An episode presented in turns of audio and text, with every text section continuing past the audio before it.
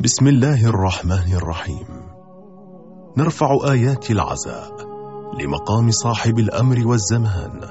عجل الله تعالى فرجه الشريف. في مصاب جده الإمام الحسين عليه السلام. شبكة المنير تقدم. محاضرة العلامة السيد منير الخباز دام عطاؤه. لليلة التاسعة من شهر محرم الحرام لعام 1438 للهجرة النبوية بعنوان القراءة المنسية في عقيدة الإمامة. وذلك بمسجد الإمام الباقر عليه السلام بدولة الكويت.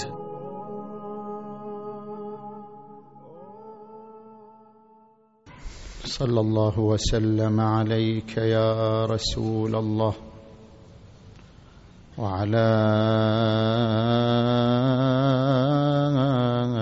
أهل بيتك المنتجبين يا ليتنا كنا معكم فنفوز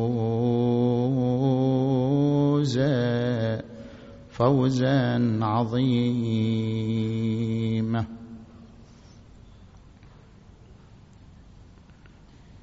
في بأس حمزة في شجاعة حيدر بإبا الحسين وفي مهابة أحمد. وتراه في خلق وطيب خلائق وبليغ نطق كالنبي محمد.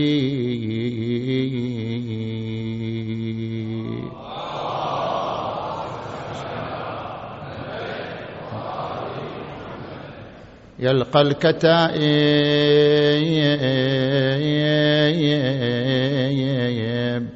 والفلا غصت بها في مثلها من بأسه المتوقد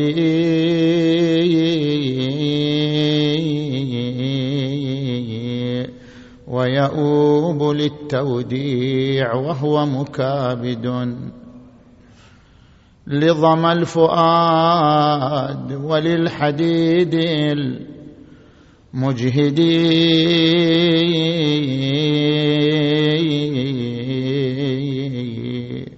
يشكو لخير أب ظماه وما اشتكى. ظمأ الحشاء إلا إلى الظامي الصدي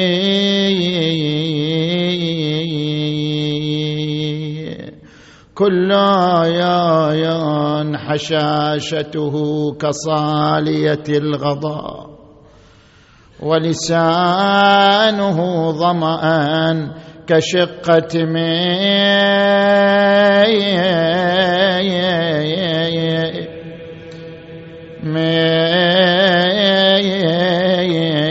بردي. حتى إذا يا يا يا يا يا قطعوا عليه طريقه والموت منه بمسمع وبما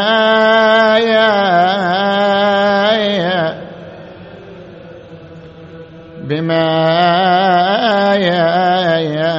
يشهد عثر الزمان به. فغودر جسمه.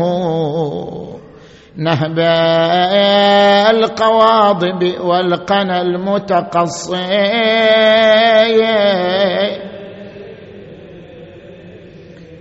المتقصي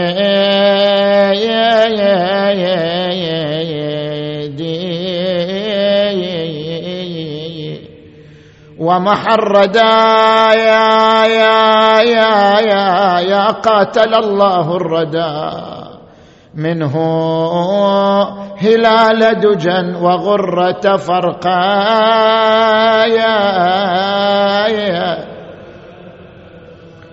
فرقا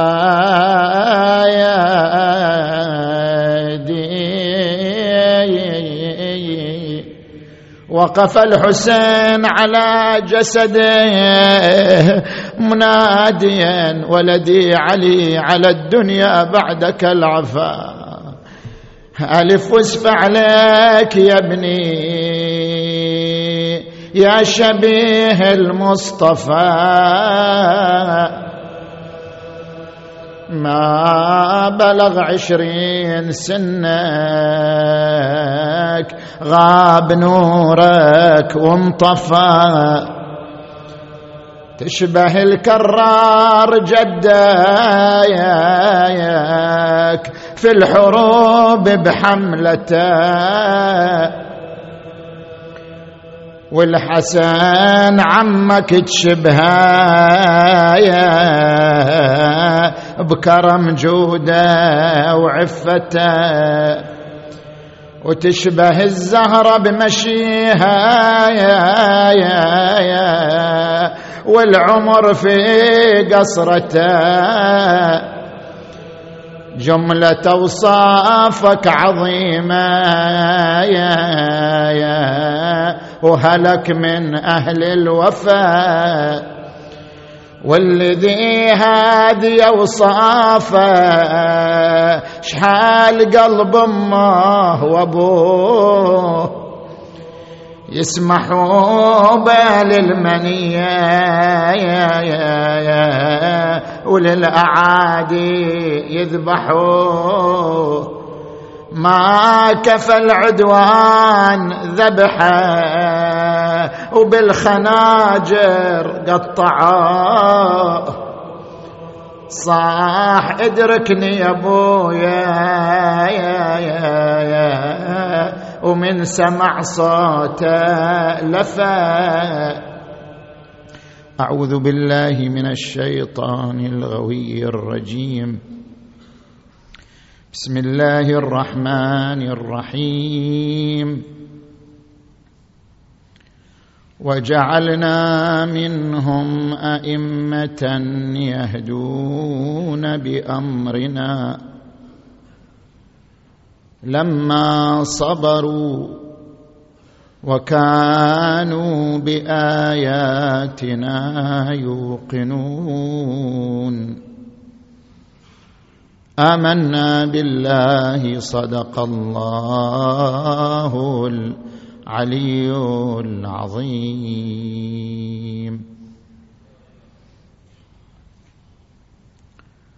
انطلاقا من الآية المباركة نتحدث حول مبدأ الإمامة في محاور ثلاث.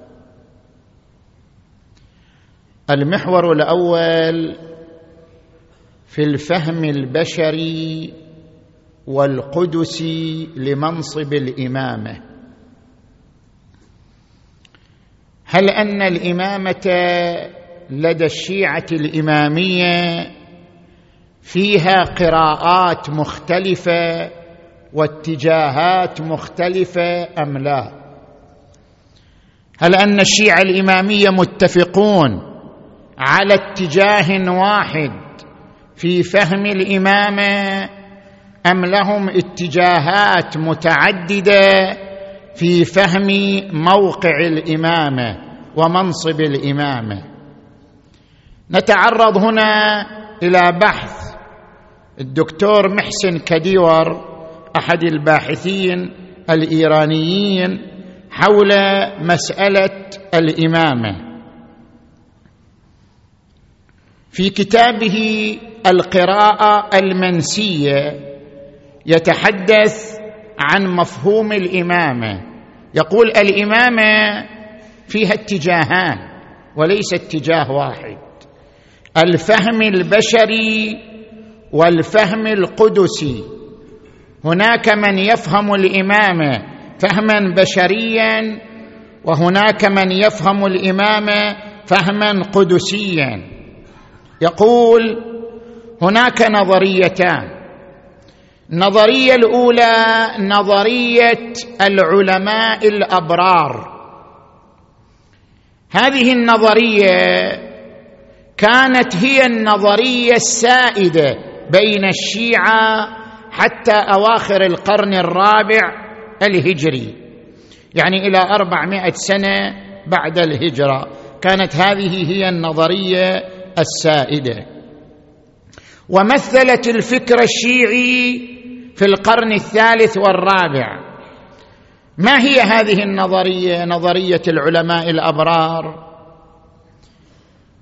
قال هذه النظرية تعتقد أن الأئمة مرشدون في الدين متقدمون على من سواهم في العلم والعمل لذلك يجب طاعتهم ويعتبرون روايتهم للإسلام النبوي أقرب الروايات إلى إسلام رسول الله وأكثرها واقعية. يعني هذا الفهم فهم بشري. يقول الامامه ما فيها نص ولا تنصيب من الله ولا نص من الله. هؤلاء أوثق الرواة. الأئمة علماء أتقياء وهم أوثق الطرق إلى رسول الله صلى الله عليه وآله. فيجب اتباعهم لا لأنهم منصوبون من الله ولا لأنهم منصوص عليهم بالإمامة. إنما يجب اتباعهم لأنهم أوثق الطرق إلى حديث رسول الله صلى الله عليه وآله لأنهم أكفأ الناس. علما وعملا. اذا تتلخص هذه النظرية أنه لا يوجد نص على الأئمة وإنما الإمام النبي عين الإمام علي لأنه أعلم الناس مو لأنه منصوب من قبل الله. والإمام علي عين أولاده لأنهم أعلم الناس. وهكذا كل إمام سابق يعين الإمام اللاحق لا لأنه منصوص عليه. من قبل الله بل لأنه أعلم الناس وأكفأهم. زين؟ ولا عصمة إلا للنبي يعني الأئمة غير معصومين علماء أتقياء أبرار لكنهم غير معصومين. زين؟ وليس لديهم علم لدني كل علومهم اكتسابية نشأت عن التعلم والدراسة لدى آبائهم. هذه هي النظرية الأولى. وهي الفهم البشري لمنصب الامامه نجي إلى النظرية الثانية. النظرية الثانية هي الفهم القدسي لمنصب الامامه قال اولا في صفحة 42 من كتابه القراءة المنسية. قال كان أتباع هذه النظرية موجودين زمن الأئمة لكن ما كانوا كثيرين. إلى أن تمكنت النظرية في عصر غيبة الأئمة من أن تمثل الفكر الشيعي منذ مطلع القرن الخامس حتى اليوم أصبحت هذه النظرية هي الممثل للفكر الشيعي بل اعتبرت من ضروريات المذهب. يعني الآن إذا شيعي يقول الأئمة غير منصوص عليهم هذا ليس شيعيا. اعتبرت هذه النظرية من ضروريات المذهب. ما هي معالم هذه النظرية؟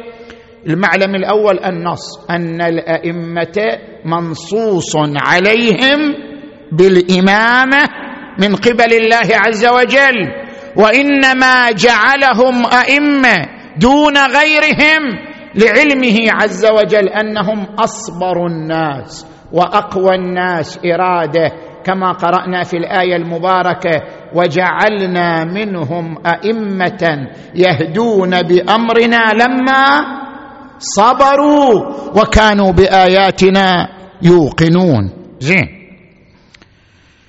المعلم الثاني أن الأئمة معصومون. عصمة مطلقة يعني معصومون من المعصية ومعصومون من الخطأ والسهو. هذا المعلم الثاني لهذه النظرية الفهم القدسي لمنصب الامامه المعلم الثالث أن لديهم علما لدنيا.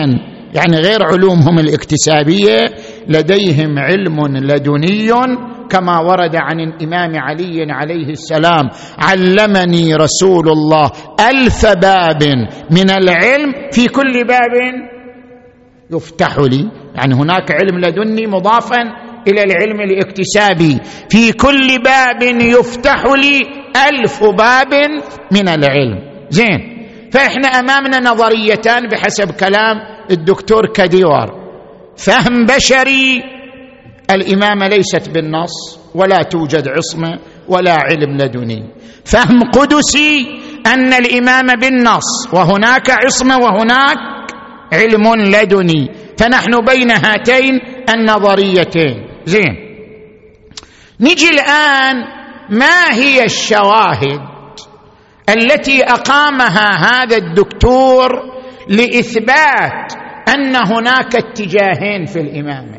يعني إحنا من صغرنا منذ أن ولدنا نعرف الإمامة يعني شنو؟ إمامة يعني النص. إمام يعني منصوص عليه بالإمامة. الإمامة تعني النص والعصمة هذا الذي نعرفه من صغرنا.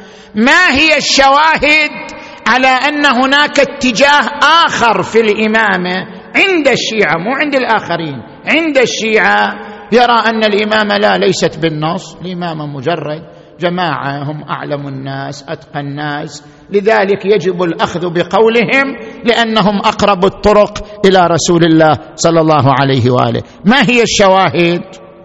ذكر هو أربعة شواهد من أقوال العلماء. الشاهد الأول تعرض إليه في صفحة أربعة وعشرين من كتابه القراءة المنسية. في كتاب تنقيح المقال في أحوال الرجال. للعلامة المامقاني الشيخ عبد الله المامقاني قال في ترجمة محمد بن سنان وعبد الله بن عبد الرحمن الأصم ذكر هناك قال إن أكثر هذه عبارة الشيخ المامقاني إن أكثر ما يعد اليوم من ضروريات المذهب اللي نعتبره اليوم من ضروريات المذهب كان القول به معدودا في العهد السابق. عهد السابق يعني عهد قدماء الشيعة من الغلو. يعني شلون فرق بين يعني 180 درجة؟ يعني إحنا اليوم نعتقد أن الأئمة مثلا يعلمون الغيب. نعتقد أن الأئمة لديهم علم لدني. هذا الذي نعتقد به ونراه من ضروريات الدين من ضروريات المذهب كان القدماء من علماء الشيعة يعتبرونه غلو في الأئمة. اذا بين النظريتين 180 درجة فرق. زين؟ هذا الشاهد الأول من كلام آه، العلامة المامقاني. زين. هذا الشاهد يا إخوان التفتوا لي أنا أناقش كل شاهد في وقته. هذا الشاهد لا يستفاد منه ما أراد الدكتور أن يصل إليه. عندما تراجع كلام العلامة المامقاني في ترجمة محمد بن سنان وعبد الله بن عبد الرحمن الأصم وغيرهم يقول المامقاني أن قدماء الشيعة اختلفوا في ثلاث مسائل. في التفويض هل أن الأئمة فوض إليهم التصرف في الكون أم لا؟ يعني يخلقون يرزقون. هل فوض إليهم ذلك أم لا؟ هذا موطن الخلاف. موطن الخلاف الآخر نفي السهو. هل أن الأئمة لا يطرأ عليهم السهو ابدا أم لا؟ هذا هو الخلاف الثاني. الخلاف الثالث في العلم اللدني هل أن لديهم علما لدنيا أم لا؟ فالخلاف التفت لي جيدا الخلاف في أمور جانبية وليست في الإمامة نفسها. يعني لا خلاف بين القدماء والمتأخرين في أن الإمامة بالنص وفي أن الإمامة مساوقة لشنو؟ للعصمة. هذا لا خلاف في هذين الأمرين إنما الخلاف في أمور تختلف عن هذا الموقع. هل أن للأئمة علما لدنيا أم لا؟ يوجد خلاف. هل أن الأئمة آه، لا يعرض عليهم السهو أم لا؟ يوجد خلاف بين القدماء. أنفسهم فضلا عن القدماء والمتأخرين. هل أن الأئمة مفوضون أم لا؟ الخلاف في أمور وإن كانت الآن هي من عقائدنا الأساسية لكن ليس الخلاف في عقيدة الإمامة وليس الخلاف في عقيدة العصمة. يجب أن يلتفت إلى ذلك. زين هذا الشاهد الأول. الشاهد الثاني تعرض إليه صفحة 29 من هذا الكتاب. كلام العلامة الوحيد البهبهاني.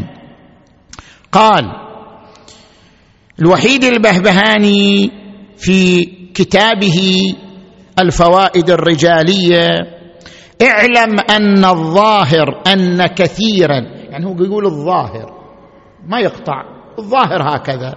اعلم أن الظاهر أن كثيرا من القدماء سيما القميين منهم يعني علماء قم في تلك الفترة فترة الإمام الجواد والإمام الهادي والعسكري كانوا يعتقدون للأئمة منزله خاصة.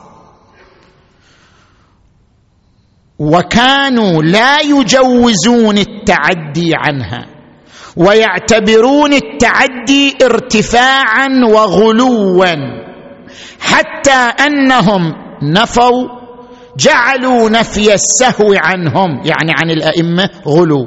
إذا واحد يقول الائمه لا يسهون يعتبر هذا غلو. يعني علماءكم في تلك الفترة فترة الأئمة المتأخرين.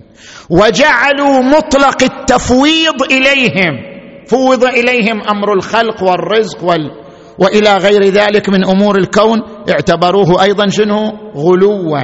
والمبالغة في معجزاتهم ونقل العجائب عنهم اعتبر غلوا. زين. هذا كلام من؟ الوحيد البهبهاني. لاحظ الدكتور كديور ماذا استفاد منه قال يستفاد من كلامه. يعني الوحيد البهبهاني. نقاط. اولا كان القدماء وهم علماء الشيعة. في منتصف القرن الخامس ينظرون إلى الأئمة على نحو مختلف عما ننظر إليه. ذاك قال الظاهر كثير. هذا قال شنو؟ قدماء يعني عممها لكل القدماء.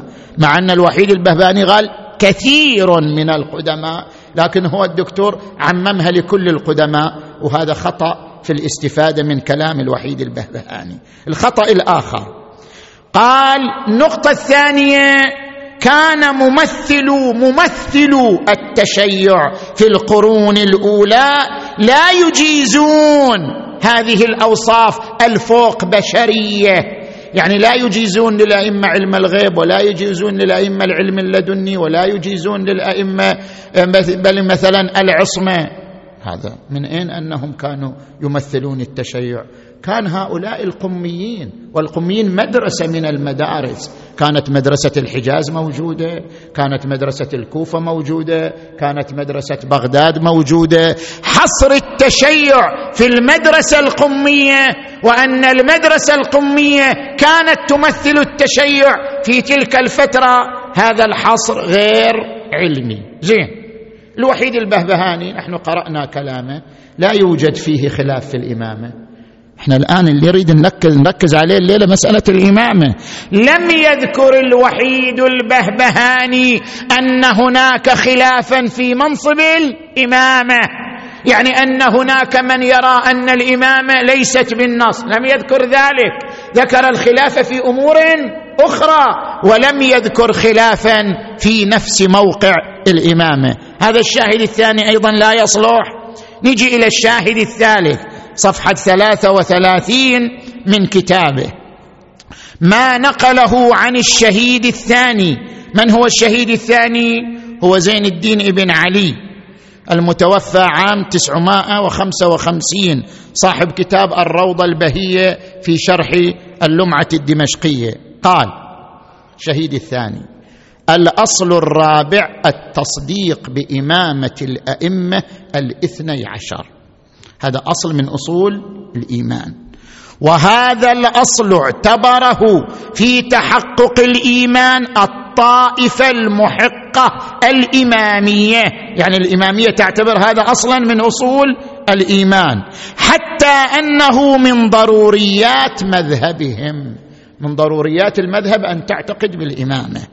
ثم إنه شهيد يقول لا ريب يشترط التصديق بكونهم أئمة يهدون بالحق وبوجوب الانقياد إليهم في أوامرهم ونواهيهم. ولكن هو يسأل أما التصديق بكونهم معصومين مطهرين من الرجس كما دلت عليه الأدلة العقلية والنقلية والتصديق بكونهم منصوصا عليهم وأنهم حافظون للشرع وأن علمهم ليس عن رأي واجتهاد بل عن يقين. يعني يشير إلى العلم اللدني.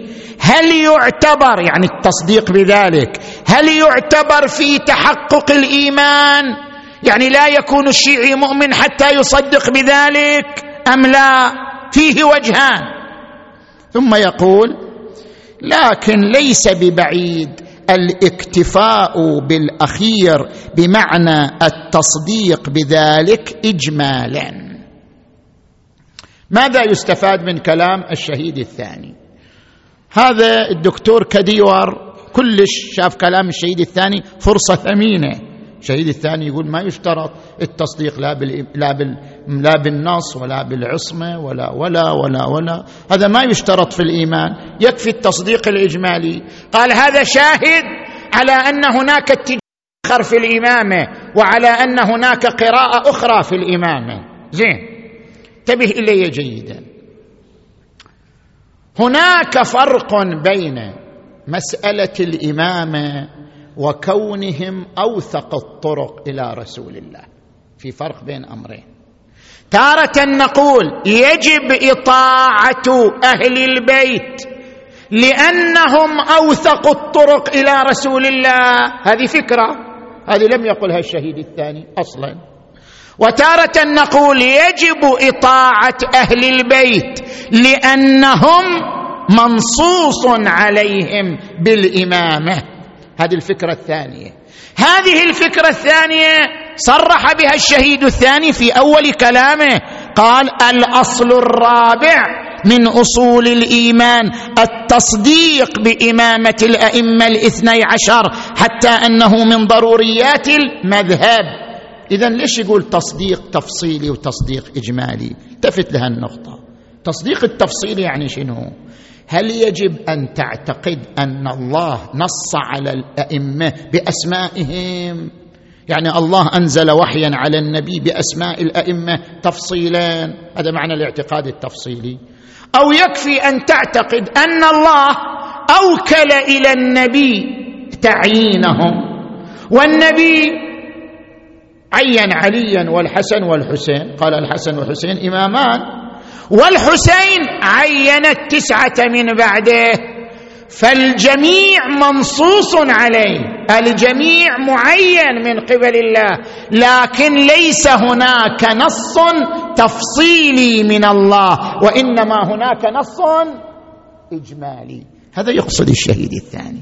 ما يقصد الشهيد الثاني أن أكو خلاف في النص؟ لا. الجميع يقر بأن الإمام بالنص وبالتعيين. إنما هل يشترط الإيمان التفصيلي أن تعتقد أن الله نص عليهم بأسمائهم وأنزل وحيا بذلك على النبي أو أن الله أوكل للنبي ذلك؟ النبي هم عين الإمام علي والحسن والحسين والحسين عين التسعة من بعده. اذا الجميع عين لأنهم منصوص عليهم بالإمامة ومنتجبون ومختارون من قبل الله عز وجل. هذا الفرق بين التصديق التفصيلي والإجمالي. لأن هناك خلافا في النص وعدم النص. زين. لذلك نعم. ظاهر كلام الشهيد إذا واحد بياخذ بظاهره الاولي ظاهر كلام الشهيد أنه لا يجب الاعتقاد بعصمتهم. بس هذا الظاهر لا يمكن الأخذ به. وإن كان هو ظاهر كلام الشهيد الثاني. لماذا؟ لأن الامامه ملازمة للعصمة شنو؟ عقلا. لا يمكن أن يكون إمام حتى يكون معصوما. لماذا؟ الإمامة تعني الحجية. شنو يعني الامام ما معنى الامام طيب كل الناس أتقياء وأبرار وعلماء العلماء الأتقياء كثيرون. شنو معنى الإمامة؟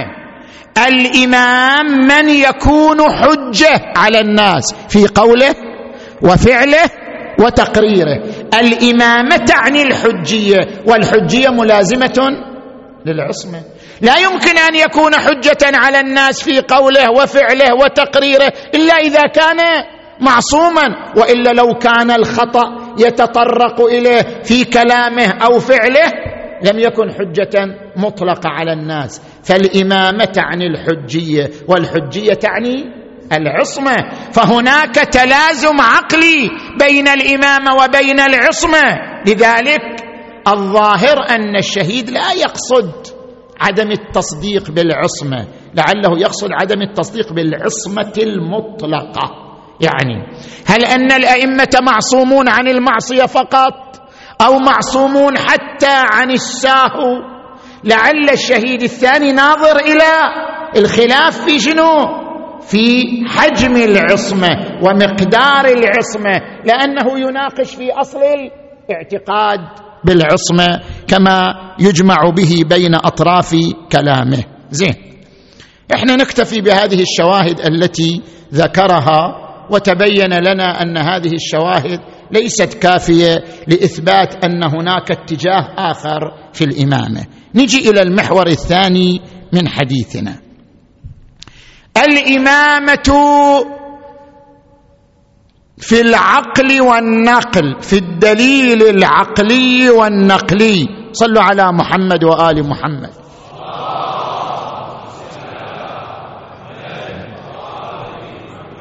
ما فيها. هذا بارد. ماي بارد. اي ماي عادي يعني شو.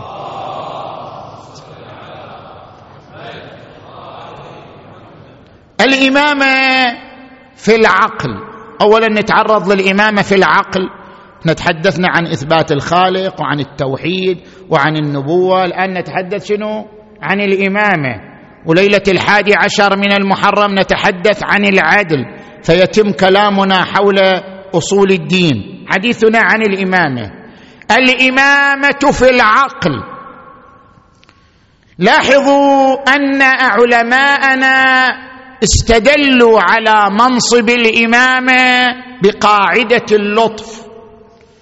وأول من استدل بها هشام بن الحكم أحد تلامذة الإمام الصادق عليه السلام في رسالته الألطاف وكتب المفيد عليه الرحمة المتوفى سنة 413 كتاب الإنصاف وكتب السيد المرتضى المتوفى سنة 400 و بل أربعمائة وستة وعشرين كتب كتاب الشافي في الإمامة. الإمامة مسألة عقلية. كيف مسألة عقلية؟ خل أشرح لك الآن. الدليل العقلي الذي دل على النبوة هو نفس الدليل العقلي الذي دل على الإمامة. ضرورة الإمامة كضرورة النبوة تماماً. ما هو هذا الدليل العقلي المعبر عنه بقاعدة اللطف؟ أذكر لك أمور ثلاثة. الأمر الأول المجتمع البشري يحتاج إلى نظام يطبق العدالة ويوفق بين المصالح الخاصة والمصالح العامة ويصلح لجميع الأزمنة ولجميع المجتمعات. أليس المجتمع البشري محتاج إلى هذا النظام؟ طبعا محتاج إلى نظام يطبق العدالة ويوفق بين المصالح الخاصة والمصالح العامة. والعقل البشري وحده لا يستطيع أن يخترع هذا النظام. لأن العقل البشري محدود ببيئته ومحدود بزمانه ومحدود بثقافته فلا يستطيع أن يخترع نظاما يصلح لكل الأزمنة ولكل الحضارات ولكل المجتمعات. اذا المجتمع البشري يحتاج إلى نظام شنو؟ سماوي لأن النظام السماوي هو الصالح لجميع الحضارات ولجميع المجتمعات. قال تبارك وتعالى وربك يخلق ما يشاء ويختار ما كان لهم خيره ما هو الخير للناس؟ يختاره الله لا ان البشر تختاره. هذا الأمر الأول. الأمر الثاني بما أن المجتمع البشري محتاج إلى النظام فهل الله جاهل بهذه الحاجة أو عالم؟ طبعا مقتضى علمه أن يكون عالم بحاجة المجتمع البشري. إذا كان عالم هل هو قادر على أن يوصل النظام إلى المجتمع البشري أو عاجز؟ طبعا مقتضى كونه قادر على كل شيء أن يوصل النظام للمجتمع البشري. طيب إذا هو عالم بالحاجة وقادر على إيصال النظام فما الذي يمنعه عن إيصال النظام؟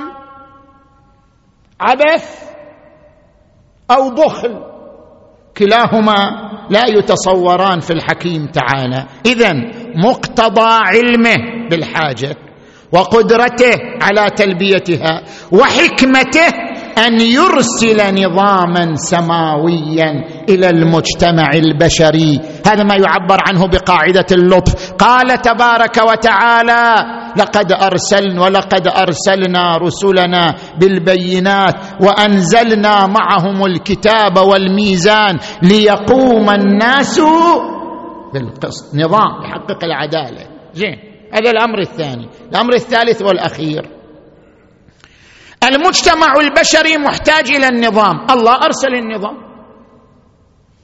لكن المجتمع البشري لا يستطيع تطبيق هذا النظام.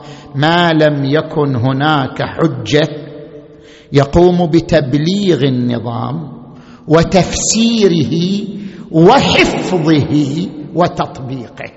أربع مهمات تبليغ تفسير حفظ تطبيق. طيب لا يمكن للمجتمع البشري أن يقوم بنفسه. اذا يحتاج إلى حجه لله على الأرض يقوم بتبليغ النظام. وتفسيره وحفظه وتطبيقه هذه الأدوار الأربعة قام بها النبي المصطفى صلى الله عليه وآله لمدة ثلاث وعشرين سنة. لكن هذه المدة غير كافية لتفسير جميع نقاط النظام. وهي غير كافية لحفظ النظام عن التحريف والتغيير. لذلك كما احتاجت الأمة إلى النبوة من أجل التبليغ والتفسير والحفظ والتطبيق احتاجت إلى الإمامة لتقوم بنفس الأدوار خلفا للنبي المصطفى محمد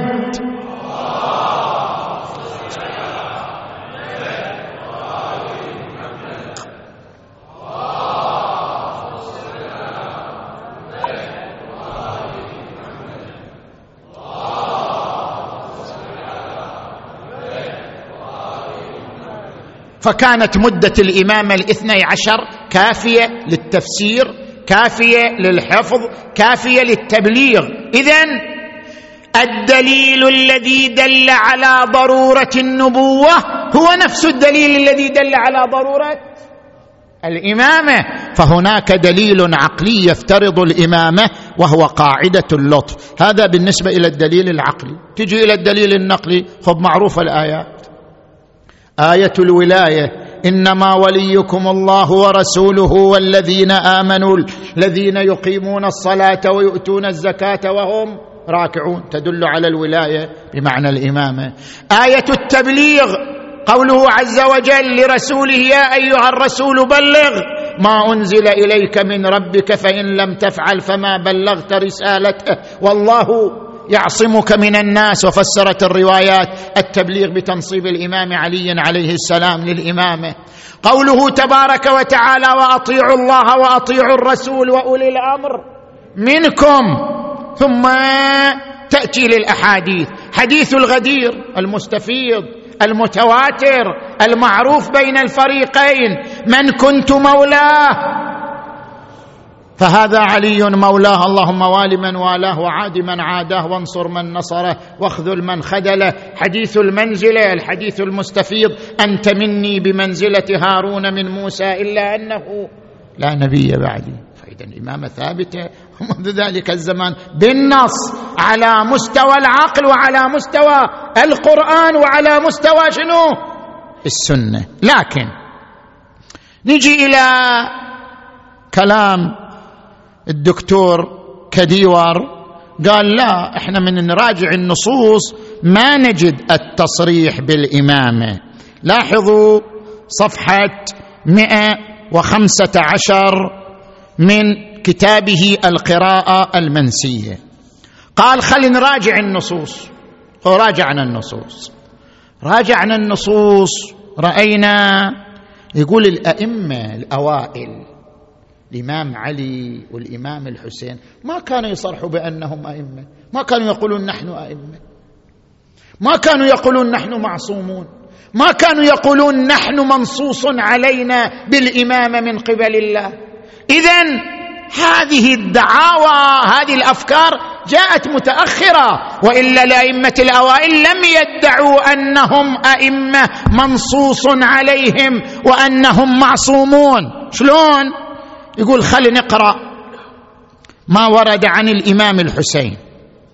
الإمام الحسين ماذا قال؟ قال فلعمري ما الإمام إلا الحاكم بالكتاب القائم بالقسط الدائن بدين الحق الحابس نفسه على ذات الله. ما قال الإمام هو المنصوص عليه الإمام هو المعصوم قال الإمام هو العامل بالكتاب. الإمام هو الدائن بالحق الإمام هو الحابس نفسه على ذات الله. ما قال الإمام هو المنصوص عليه وهو المعصوم؟ هذا كلام الحسين. وعندما نأتي للإمام علي عليه السلام في نهج البلاغة أول ما استلم الخلافة قال أما والذي فلق الحبة وبرأ النسمة لولا حضور الحاضر وقيام الحجة يعني قامت الحجة عليه بوجود الناصر وما أخذ الله على العلماء اعتبر نفسه من العلماء الذين عليهم وظيفة. ما قال أنا إمام اعتبر نفسه من العلماء. وما أخذ الله على العلماء الا يقاروا على كظة ظالم ولا سغب مظلوم لألقيت حبلها على غاربها ولسقيت آخرها بكأس أولها. فتلاحظ الأئمة ما ذكروا لنا العصمة والنص ابدا. قالوا إحنا علماء وهذه وظيفة العلماء. ثم يقول في صفحة 132 إذا نظرنا إلى الأدعية الشيعية حتى الأدعية الشيعية اللي نمارسها إحنا اسبوعيا أو يوميا. يقول إذا نظرنا إلى الأدعية الشيعية لأرأينا بوضوح أن هناك نمطين من الأدعية. النمط الأول يتعلق بالفهم البشري للإمامة. يعني ما في نص ما في عصمة. النمط الثاني يتعلق بالتفكير الثاني أن الإمامة بالنص والعصمة. النمط الأول دعاء كميل ما في دعاء كميل توسل بالأئمة. دعاء أبي حمزة الثمالي ما في توسل بالأئمة.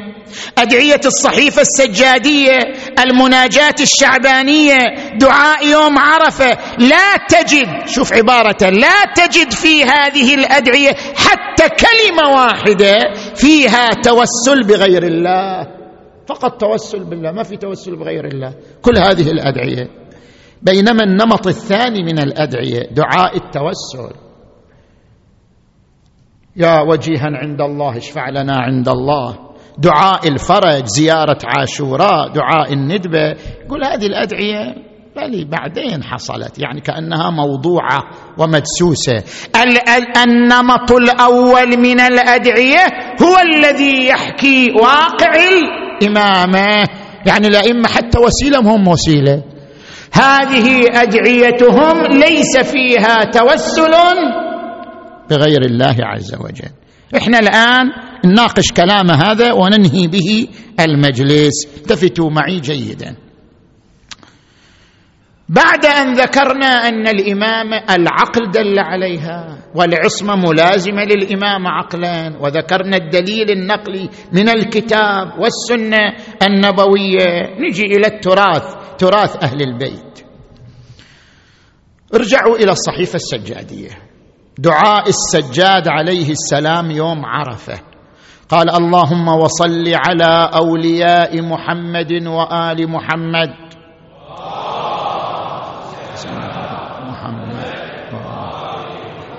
المعترفين بمقامهم المتبعين منهجهم المقتفين آثارهم المستمسكين بعروتهم المتمسكين بولايتهم. الإمام السجاد يصرح أن للأئمة شنو؟ ولاية. وقاعد يصلي على المتمسكين بمن؟ بولاية الأئمة الطاهرين عليهم السلام. زين. وفي أيضا الصحيفة السجادية. فجعلتهم الوسيلة إليك.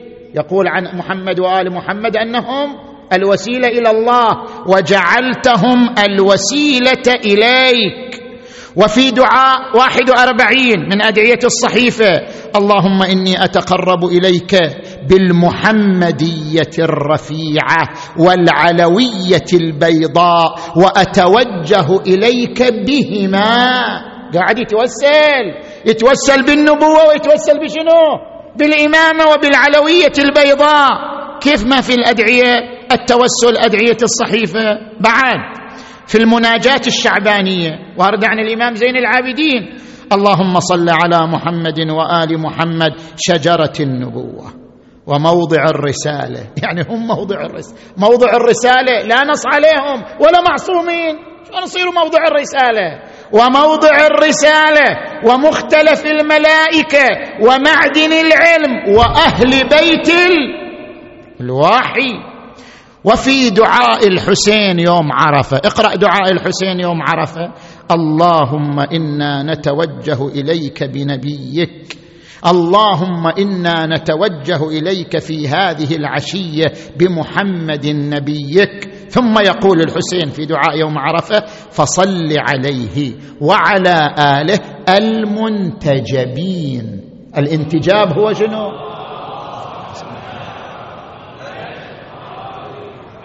المنتجبين. الانتجاب عبارة عن شنو؟ عن النصب اجتباهم وانتجبهم.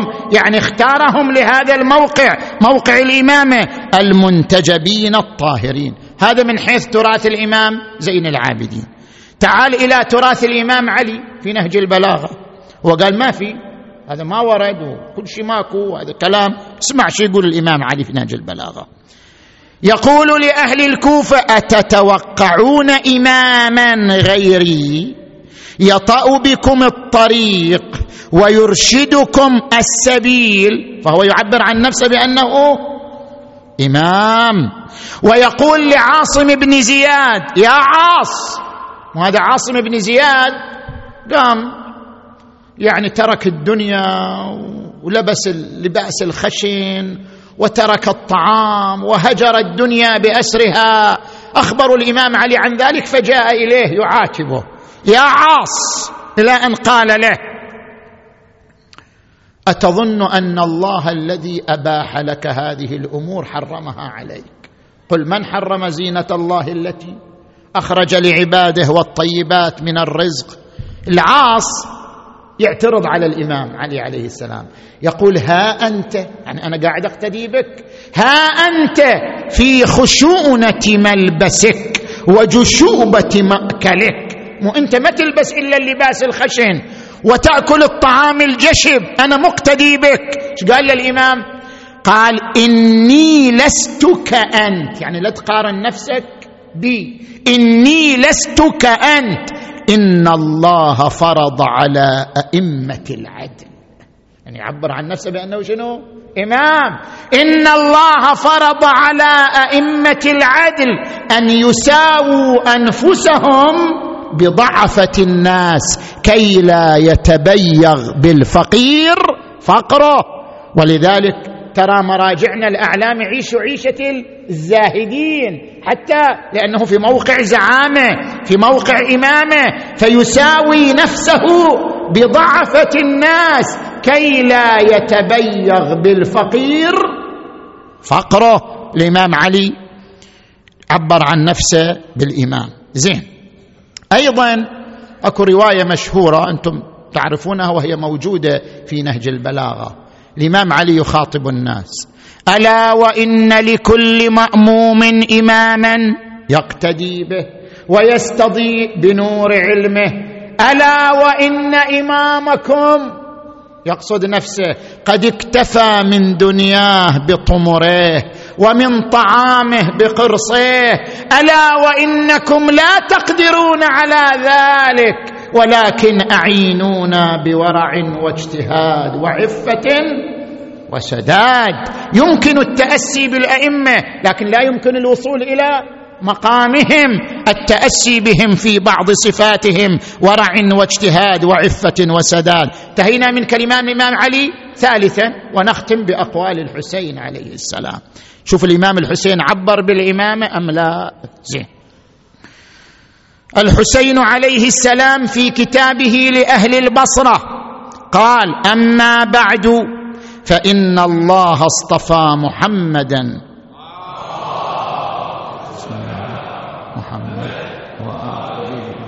على خلقه وأكرمه بنبوته. وكنا يعبر عن نفسه وكنا أهله.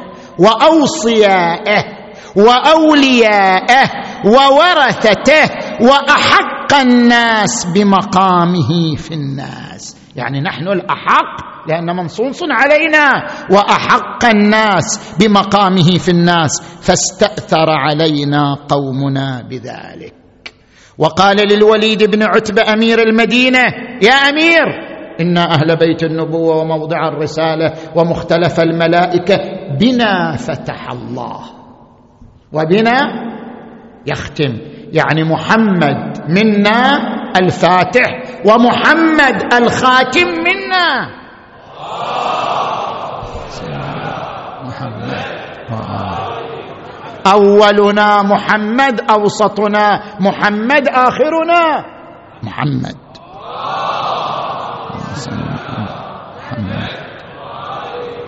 وعندما وقف على قبر جده رسول الله صلى الله عليه وآله مودعا قال أنا الحسين فرخك وابن فرختك فاطمة والثقل الذي خلفته في أمتك.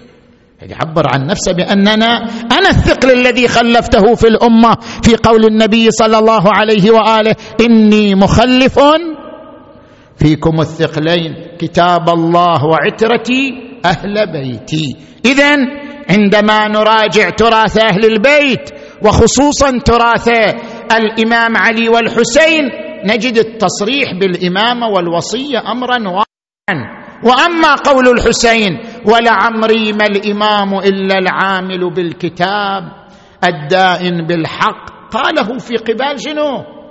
في قبال المقاتلين له. في قبال المعتقدين ببني أمية. هؤلاء ما كانوا يعتقدون بإمامته جاءوا لقتاله. لذلك لا معنى لأن يقول لهم أنا الإمام المنصوص علي بالإمامة وهم جاءوا لحربه وقتاله. لذلك أراد أن ينبه عقولهم إلى أن الإمام الحق من كان عاملا بالكتاب ودائنا بالحق. وحابسا نفسه على ذات الله وهم أهل بيت النبوة صلوات الله وسلامه عليهم أجمعين.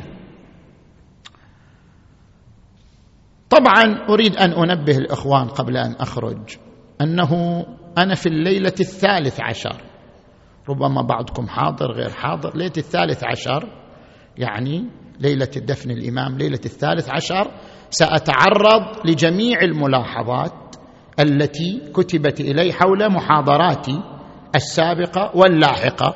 جميع المحاضرات عفوا جميع الملاحظات. كل ملاحظة وصلت إلي سأتعرض إليها في ليلة الثالث عشر. الملاحظة التي عندي جواب سأجيب.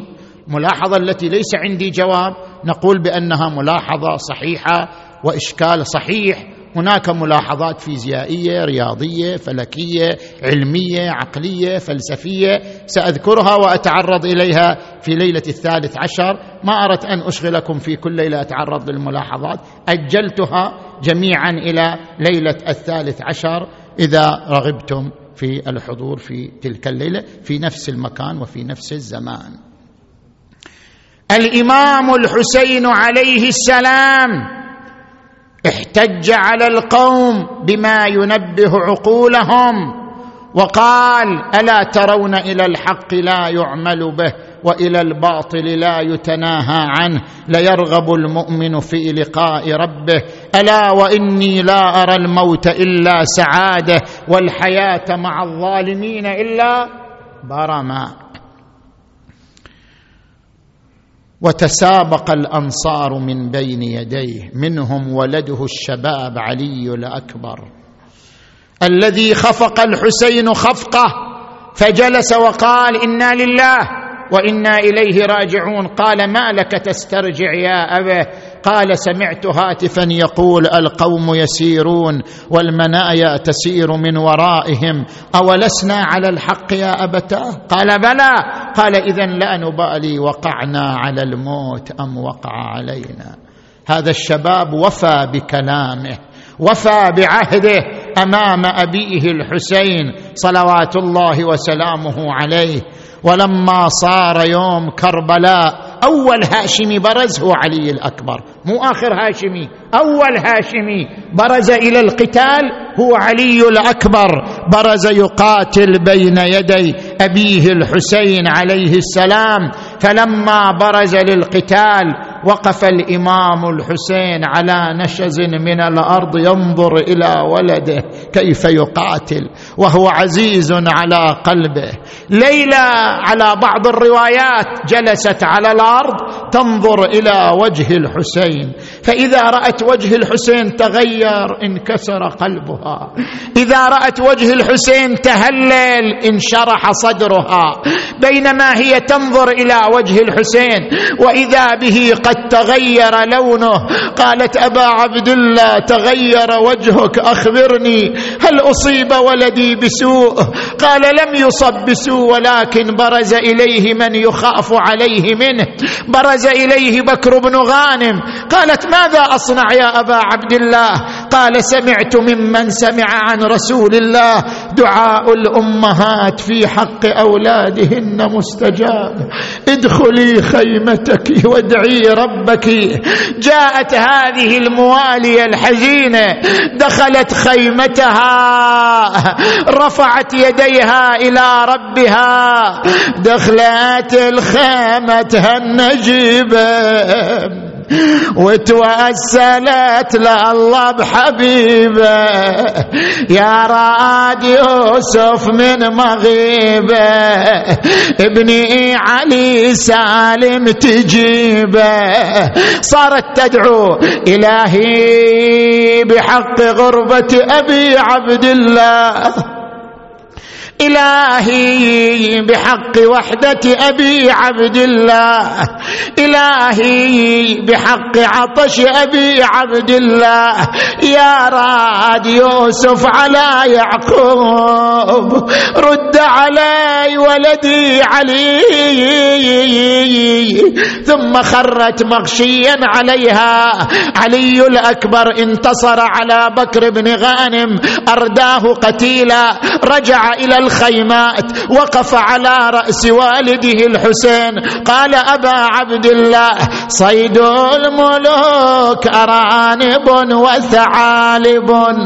وإذا برزت فصيدي الأبطال. يا بويا قطرة ماي الكبدي عطشان عطشان الشباب ها. يا بويا قطرة ماي الكبدي أدقى وارد للميدان وحدي. يا بويا انفطر قلبي وحق جدي. عطش والشمس والميدان والحر. شي جاوب أبو علي؟ شي يقول له أبو علي؟ يقول له منين أجيب الماء يا ابني؟ ما هو حاجيك بوها بحالي وشعبني. حماس كبدي يا أبو الشيمة وفاتني. يا أبو يستخلف الله العمر واصبر. وضع لسانه في فمه فإذا هو كالخشبة اليابسة. قال بني اصبر حتى تلقى جدك رسول الله فيسقيك شربة من الماء لا تظمأ بعدها أبدا. عظم الله أجوركم فلما أراد الرجوع للقتال قال بني علي قف قليلا حتى تودعك النساء. قال يا بنات علي وفاطمة قمن ودعنا الشباب علي. علي الأكبر فخرجنا النساء من الخيمة. هذه تضمه هذه تشمه أقبلت إليه أمه ليلى ضمته إلى صدرها ونادت في أمان الله وفي داعته. ثم أقبلت العقيلة زينب ضمته إلى صدرها. قالت ولدي علي أبلغ أمي فاطمة الزهراء عني السلام.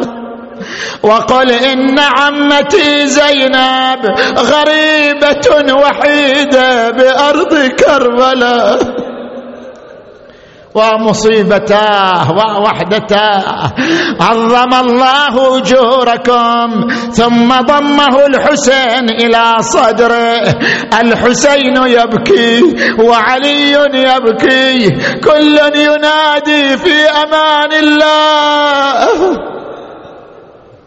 فلما انقلب إلى المعركة رفع الحسين شيبته إلى السماء وسالت دموعه قال اللهم اشهد عليهم أنه برز إليهم غلام أشبه الناس بنبيك محمد وأنا كلما اشتقنا لرؤية نبيك نظرنا إليه.